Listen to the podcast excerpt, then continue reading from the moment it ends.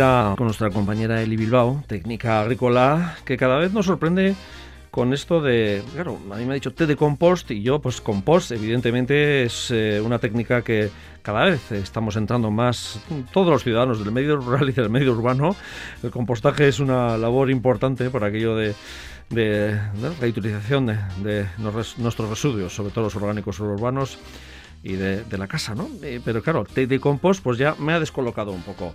Sí sabía que el té, bueno, tiene sus sus como el café que hablamos recientemente no sus eh, bueno sus eh, ventajas para uso en el mundo agrícola pero el hilo nos va a sorprender Eli qué tal Ah, para Unai. Oye, la verdad es que te, te compos así suena como, bueno, espero que no sea una infusión. pues parecida, ¿eh? No, no vayas a pensar. Va por ahí, ¿no? Bueno, sí, tiene diferencias, pero el hecho así como de meter la bolsita en el agua se asemeja a una infusión. La verdad es que esto es una modificación del, verdadero té de compost que se usa en la agricultura eh, ecológica, pero esto es como más adaptado pues al huerto urbano que tenemos en el balcón y, que además sí sacas eh, unos beneficios. Vale. Eh, en concreto, mm, ¿para qué lo o sea, hay que usarlo como destilación, como utilizamos como el té que tomamos de consumo normal? Sí, en definitiva, escoger eh, un compost maduro y por facilitar todo esto y llevarlo a lo urbano, a nuestros huertos de balcón, pues ya lo podemos comprar en bolsas, en cualquier centro agrícola o garden. Compras este, este compost que ya viene curado, que no tiene ningún patógeno, ningún resto de, esporas o de huevitos de ningún bichito, ni, nada patógeno que puedas tú llevar luego a tu cultivo. Entonces coges estas bolsitas de compost y mediante un proceso que vamos a decir luego, lo que haces es extraes todas las sustancias, todos estos nutrientes, estos microorganismos que se quedan eh, que se hacen solubles en el agua y luego los transportas a través de riego o a través de pulverización a tus plantas. Esto les va a aportar, ya te digo, cantidad de nutrientes y sobre todo va a dar mucha, mucha vida al suelo yo soy una obsesionada del suelo, una obsesionada de que los suelos tienen que estar vivos para que cuando nosotros plantamos, ellos sean los que hagan la transformación y alimenten a, eh, nuestras plantas. Entonces, para mí lo más importante es eso, aportar los nutrientes, pero sobre todo aportar vida al suelo. Vale, mi duda es, eh, en principio, este té de compost eh, lo podemos comprar, pero también lo podemos hacer en casa. Podemos hacer el compost en casa con estas pequeñas composteras domésticas. Eso es. Y, una vez de que hemos sacado el compost en formato, vamos a decir, sustrato sólido en tierra, Eso es. podemos aprovechar. ¿Qué hacemos? Pues con esto vamos a decir que duplicamos la, función, porque por un lado... O sea, sacarle más partido al compost que hacemos en casa, por ejemplo, ¿no? Porque la parte luego sólida no la desechamos, la volvemos a echar a la compostera. Vale, vale, vale, perfecto, perfecto, perfecto. Bien, bien, bien. Y de ahí lo que haces es como una, una especie de, como la infusión, por así decirlo, del té, que decimos, ¿no?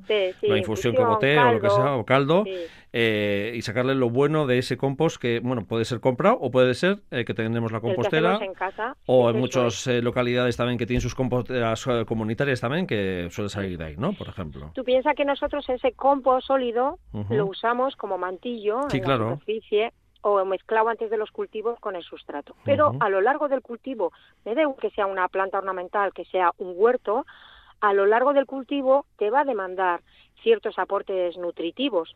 Y luego esta vida que sobre todo en las macetas que con el riego con el riego se va marchando por el drenaje de abajo todos los nutrientes están todo el rato demandando que haya más vidilla en el suelo y que se le aporte más nutrientes. Entonces es una manera de a través del riego de una manera muy cómoda aplicarle esta demanda de nutrientes. Y luego, otra función que hace este caldo, este té, es que en pulverización nos ayuda a combatir las plagas y las enfermedades. Vale. O sea que lo, podemos utilizar en forma de riego para, bueno, pues para que mejorar esa incorporación de microorganismos, ¿no? Eso es. Y luego pulverizando sobre las hojas que estabas comentando, ¿no? Sí. Y ahí sí, ahí nos ayuda pues con el ataque de los hongos, de, de, las plagas. ¿Hay una dosificación para cada una de estas dos variantes? Sí, sí. En, el riego sería una parte de este té, que todavía no hemos hablado de cómo hay que hacerlo, pero que luego hablaremos. Eso, vale. Una parte de este té por tres de agua.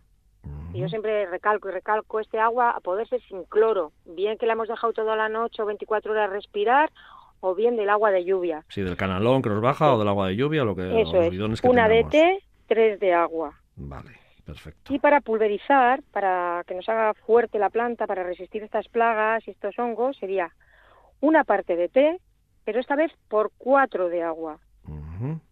Vale. Y cuando hagamos la pulverización, recordar nunca hacer la pulverización durante las horas centrales, mejor a última hora de la tarde, ya cuando el sol está bajando. Vale, perfecto. Bien. Eh, ¿Qué tenemos que tener en cuenta a la hora de, de antes de empezar con, la, con la movida, vamos por así decirlo? Sí, sí. A la hora de hacer el té, bueno, yo diría que casi todos los preparados que hacemos, lo primero en este caso que estamos hablando de té de compost es esto, es usar un compost de calidad. Si no tienes la si alguien, un amigo, un conocido, oye, es que te doy yo de mi compost, si no tienes la certeza de que ese compostaje se ha hecho bien, no lo cojas. Porque a veces si no alcanza las temperaturas ideales, ese compostaje, que, ese compost que, te dan, puede llevar pues esos restos de hongos, eh, algún bichito que en crisálida no, no ha acabado de morir. Con...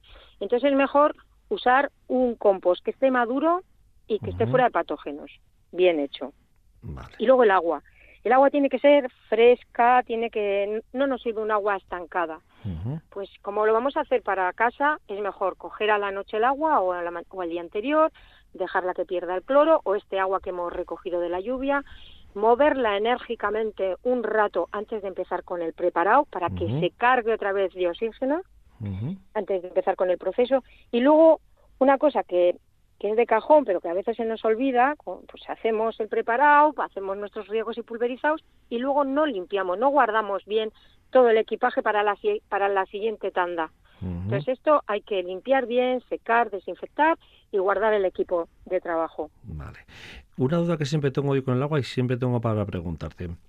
Eh, evidentemente el agua de un río cercano a nuestras capitales no, pero si tú vives en, un, en una zona rural apartada y tienes algún arroyo de agua de estas eh, que sabes que bueno pues baja casi directamente por así decirlo de manantial o de o de las nevadas, ese agua también puede ser es óptima para este tipo de situaciones. Sí, la cosa por ejemplo es eh, em, medir el pH, eso es importante, que no sea muy alcalino, que no se vaya tampoco mucho hacia lo ácido, porque claro, ese agua luego va a la tierra bien mezclada con cualquier otro elemento o, simplemente para riego y también nos puede modificar los pH, que es importante que, estén neutros, a no ser de que estés cultivando en ácidos. Bien. Y que no venga de un foco de contaminación, claro. Bueno, evidentemente, por eso decía lo de las ciudades, pues ya es un poco más complicado. Por si acaso, no, bueno, por si acaso no, mejor no utilizarlo. Bueno, eh, nos apuntas también que es importante eh, la higiene a lo largo de este proceso que vamos a empezar ahora para realizar el... Sí. También la pulverización, ¿no? Pero también a la hora de elaborar el, el, eh, el té de compost. Es que yo creo que todo lo que vaya asociado bien a la huerta o jardinería, tiene que estar también muy muy ligado a la higiene. Se nos olvida, usamos una tijera, se nos olvida que hay que desinfectarla, que hay que engrasarla. Usamos un balde y, bueno, le damos un agua y lo dejamos. Una maceta que no usamos la volvemos a usar sin lavar, sin desinfectar. Y de esta manera vamos transmitiendo las enfermedades de una planta a otra. Siempre hay que limpiar, secar, desinfectar, que se seque y guardar y en el caso de las herramientas de corte, guardarlas bien para que no se le salga la roña, etcétera. Eh, desinfectar, por ejemplo, cuando utilizamos baldes y o pues palanganas. un chorretón de vinagre o un poquito un chorretón de, alcohol. Tampoco es una cosa. Vale, vale. Una, una gótica de lejía y ya está pasando. También, eso es. Digo para un balde. En otro caso ya es eh, el recipiente. Bueno, eh, ¿qué material vamos a necesitar? ¿Qué equipo hay que desplegar encima de la mesa? Bueno, pues sería dos cubos de plástico de unos, si vamos a hacer 5 litros, pues de unos 6 litros para manejarnos bien. Uno de ellos es en el que vamos a tener estos 5 litros de agua. Eh, agua almacén, ¿no? dicho, sin clorar, sí. Hemos recogido la noche anterior del grifo, de la red, o tenemos de, la, de lluvia. Una paletada y media de este compost de calidad. Cuando digo paletada, puede ser pues como el recogedor de toda la vida de mano, esas paletas. Pues una y media. Vale, el recogedor dices de, de, la escoba de casa, de la cocina, vamos. Eso es, Bien, eso perfecto, vale. Eh, luego nos haría falta algún tipo de, aditivo. Esto no es obligatorio, pero es un plus. Entonces, eh, ¿qué aditivo se le puede echar? Pues una melaza, panela o harina de legumbres o leche desnatada en polvo. Y las cantidades que vamos a usar, pues sería no superando las dos cucharadas soperas. Cuchara y media y que sean rasas, pues estaría bien. Vale, es un aditivo además que tenemos por lo general en casa. Sí, cualquiera de estos seguramente que... Yo cuando he dicho aditivo me quedo un poco como, a ver qué nos dice Eli. Luego nos haría falta una, tela de algodón. Bien, para hacer el... Para hacer el atillo donde vamos a meter este compost. Una cuerda para atarlo. Un palo. Siempre tiene que ser madera con lo que vayamos a, remover este caldo, este té. Y luego un colador de tela tipo los de colar el café. Cuando de los de colar el café, de antes, sí. Sí, y añadiría uno más. Un colador normal de los de rejilla. Vale. Para hacer como dos, dos filtrados o dos colados. Eh, ¿Aceptamos media?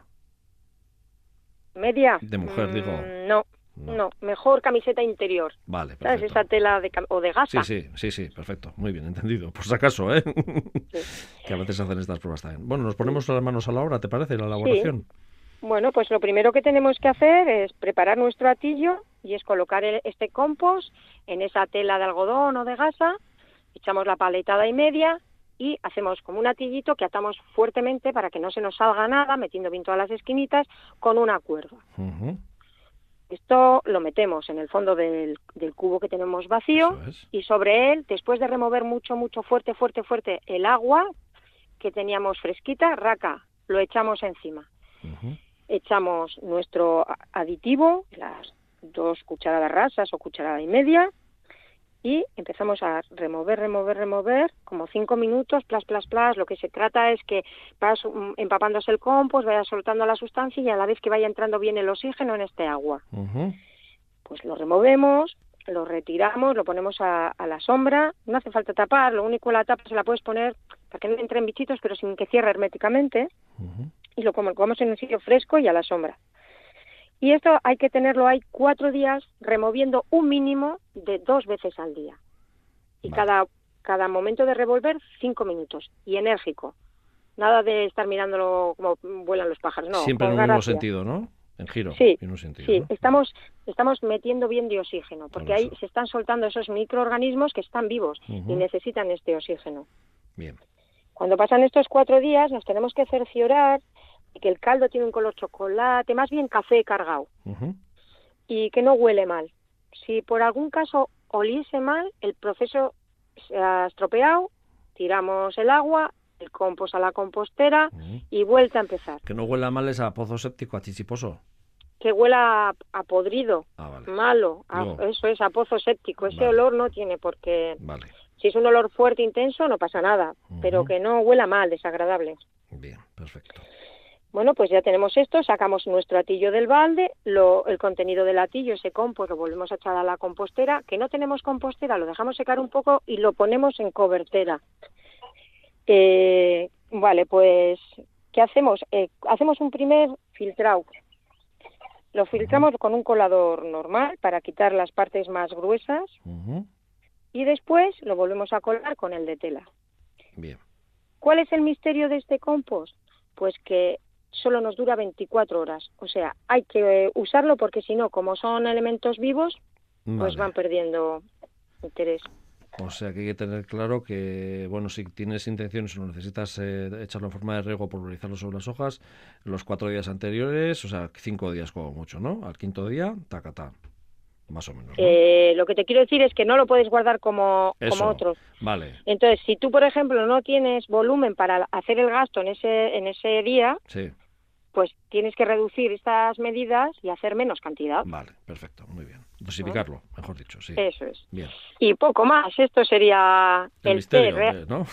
sí, realmente cuando se hace para una agricultura más eh, en mayúsculas, esto se hace con una bomba que le va continuamente moviendo el agua para que esté todo el rato entrando mucho oxígeno, es otro proceso. Pero esto es un poco como adaptándolo a, lo doméstico. Sí, bueno, el ámbito urbano, ¿no? Del huerto urbano. Eso es. O también, bueno, del pequeño agricultor que tiene una pequeña huerta también en su, sí, para su la adosado, en su casa adosada también, o en una casita también que tiene una huerta pequeñita y dices, bueno, para esto aprovecho las de entretenimiento, las huertas de entretenimiento. Eso es. Bueno, entretenimiento, pero que dan trabajo y luego también dan su rendimiento.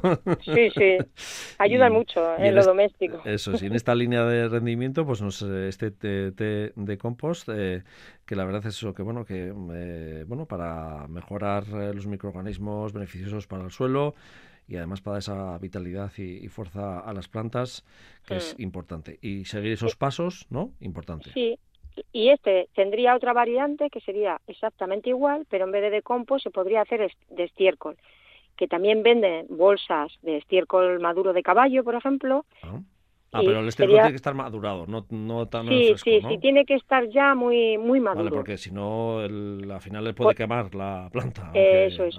Por eso mismo te estoy diciendo de estos mm, que venden ya maduros, que normalmente los que venden muy maduros son de, de caballo, que aunque tiene menos nutrientes, pero bueno, para hacer estas cositas a los riegos y tal está muy bien. Vale, digo por si alguno tiene algún vecino que tiene caballo y hace la prueba y lo no. fresco y la lía. No, no, no, tiene que estar muy, muy maduro. Muy maduro, perfecto. Muchas gracias, Eli, y hasta la siguiente. ¿eh? Muy bien, muchas gracias. Un fuerte abrazo.